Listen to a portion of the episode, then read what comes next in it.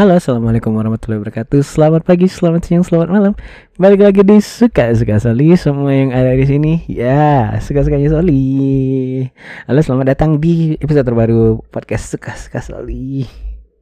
Sebenarnya tadi aku udah udah bikin draft tentang episode ini dan ya aku delete karena ngomongnya udah mulai ngelantur. Jadi ya kalian dengerin yang ini aja ya. Oke, iya minggu lalu aku nggak upload karena aku lagi tugas ke Jawa. Jadi ya gitu deh, sibuk. Ini udah balik. Jadi bisa rekaman dan ya semoga kalian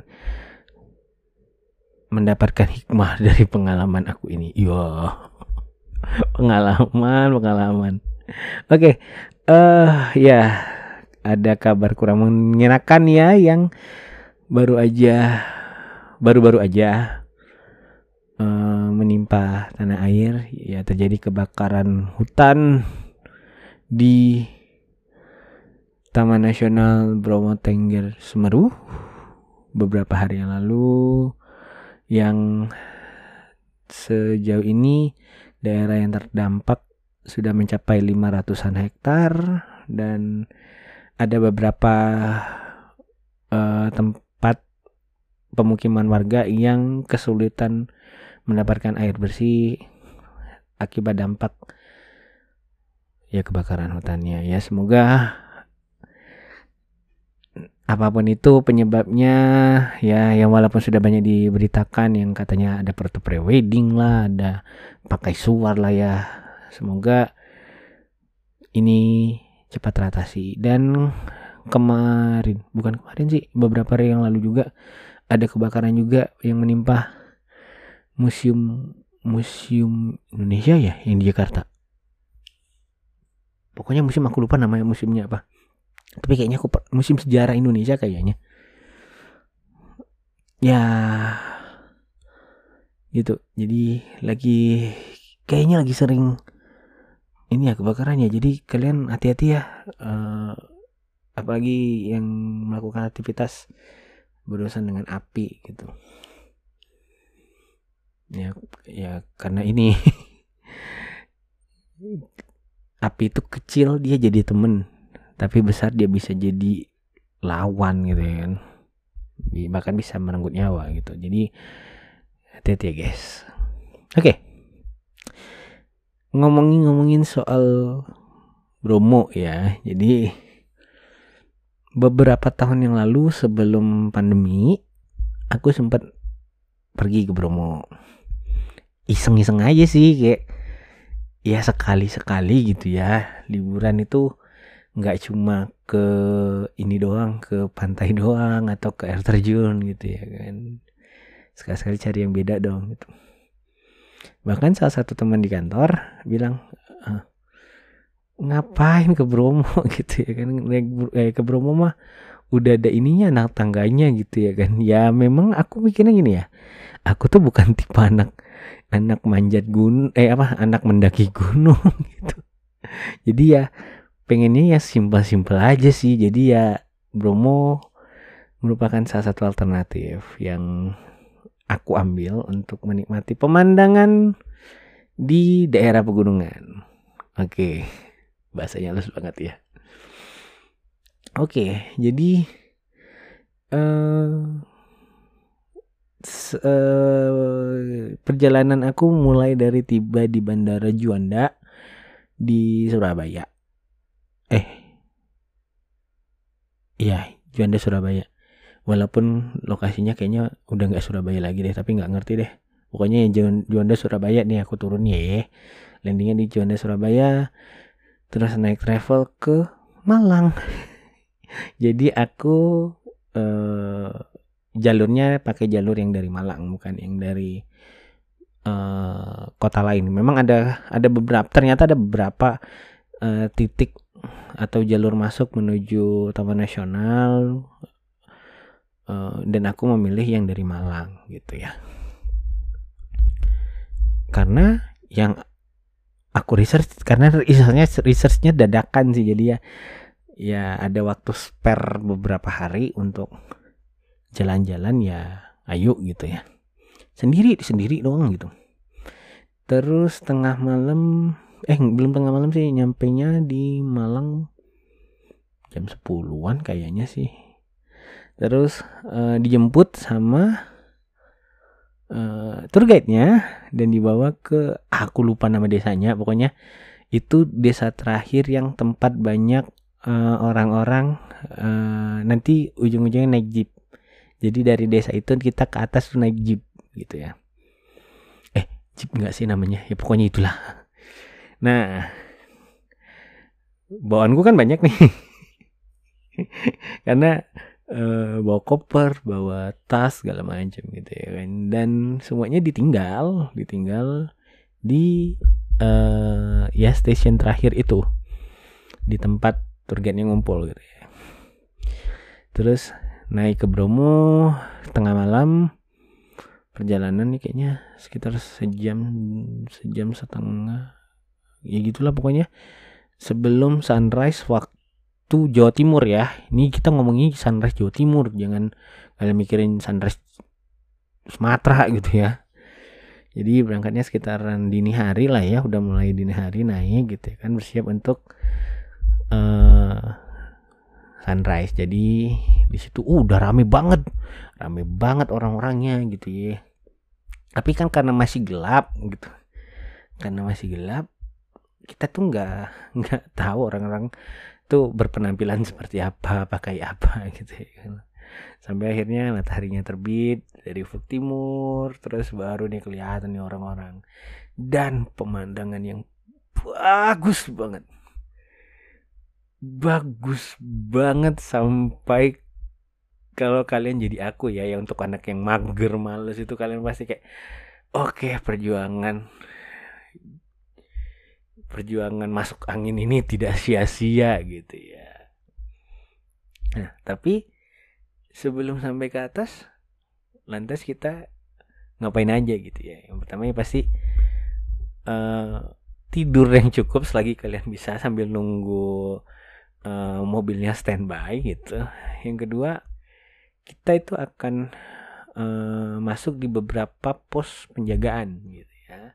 Termasuk Uh, jadi kalau kalian pakai tour guide uh, biasanya sih itu biayanya udah include untuk masuk uh, dan tiketnya. Ya jadi kalau kalian pakai tour guide ya yang memang sudah biasa bawa. Jadi kalau kalian mau nyari tour guide itu banyak itu di Instagram ya. Aku nggak nggak promote atau endorse yang mana pun. Oke. Okay. but kalau kalian dari dari jalur yang lain aku kurang paham. Jadi aku ngomongin berdasarkan yang pernah aku alamin ya. Dan ketika kita di checkpoint itu kita juga ditanya kebut. Walaupun kita itu ya udah tau lah mereka pasti kan pengen ngeliat sunrise segala macam ya. Pasti ditanya kebutuhannya ke saat ke masuk gitu mau ngapain? Gitu ya kan ya. Lihat sunrise jalan-jalan gitu ya kan ditenarin dan sebagainya gitu dikasih nih tiketnya tiket masuk nih ya. Baru disobek uh, penjagaan eh dari penjaga dari loket ke penjaganya gitu ya. Dan seingatku ya seingatku di tiket itu juga udah ada himbauan untuk tidak melakukan hal-hal yang bisa menyebabkan kebakaran hutan. Tapi aku lupa spesifiknya uh, isinya bagaimana. Dan beberapa kali aku melihat banyak pelang yang hati-hati kebakaran hutan gitu ya. Kalau kita udah mikir nih, eh kita udah lihat nih ya kan hati-hati kebakaran hutan, otomatis ya kita tuh jangan jadi penyebab kebakaran hutannya gitu ya. Oke, paham ya gitu. Jadi ya e, kalau nggak merasa uh, melihat rambu-rambunya ya coba deh gitu ya. Naik dulu sendiri gitu mungkin belum belum pernah naik gitu ya. Karena aku masih kesel nih kesel kesel. Kan ya. nah di atas itu kayak pemandangannya cantik banget. Cantik banget. Kayak kamu memang tidak mungkin tidak sepengalaman kalian semua yang di luar sana yang mendaki gunung itu sampai lima hari, sepuluh hari sampai ke puncak gitu ya. Enggak. Tapi pemandangannya itu cantik banget. Bagi aku itu yang orangnya mageran gitu ya. Yang waktunya nggak terlalu banyak. Itu pemandangannya cantik banget. Terutama untuk kalian yang hobi foto oke. Di sana itu pada saat aku naik itu ada beberapa rumput uh, beberapa wilayah yang rumputnya sudah uh, mengening mungkin kering atau karena belum turun hujan.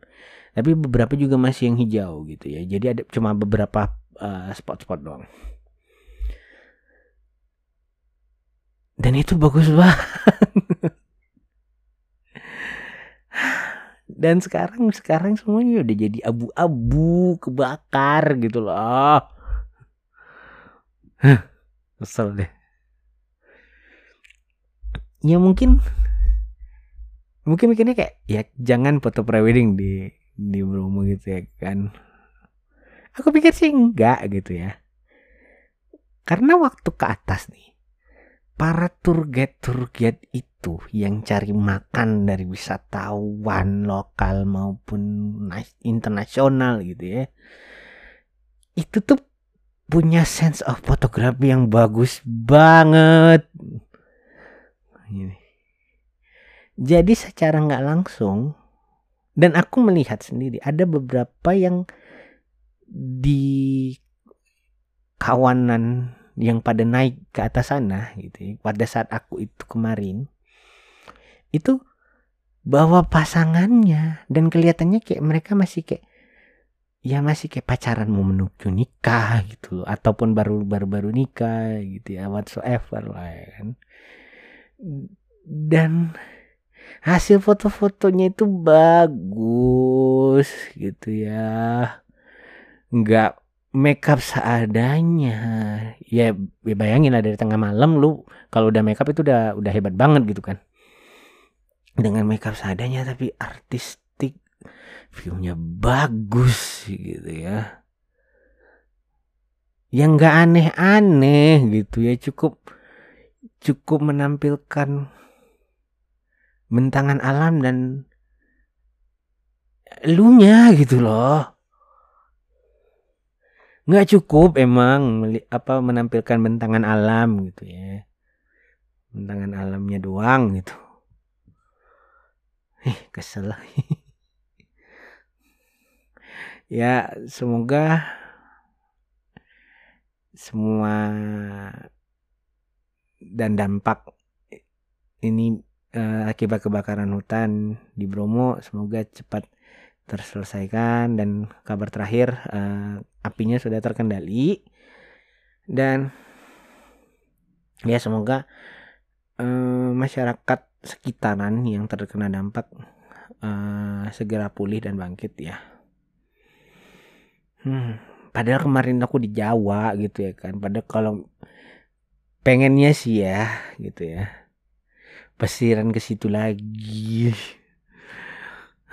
gagal.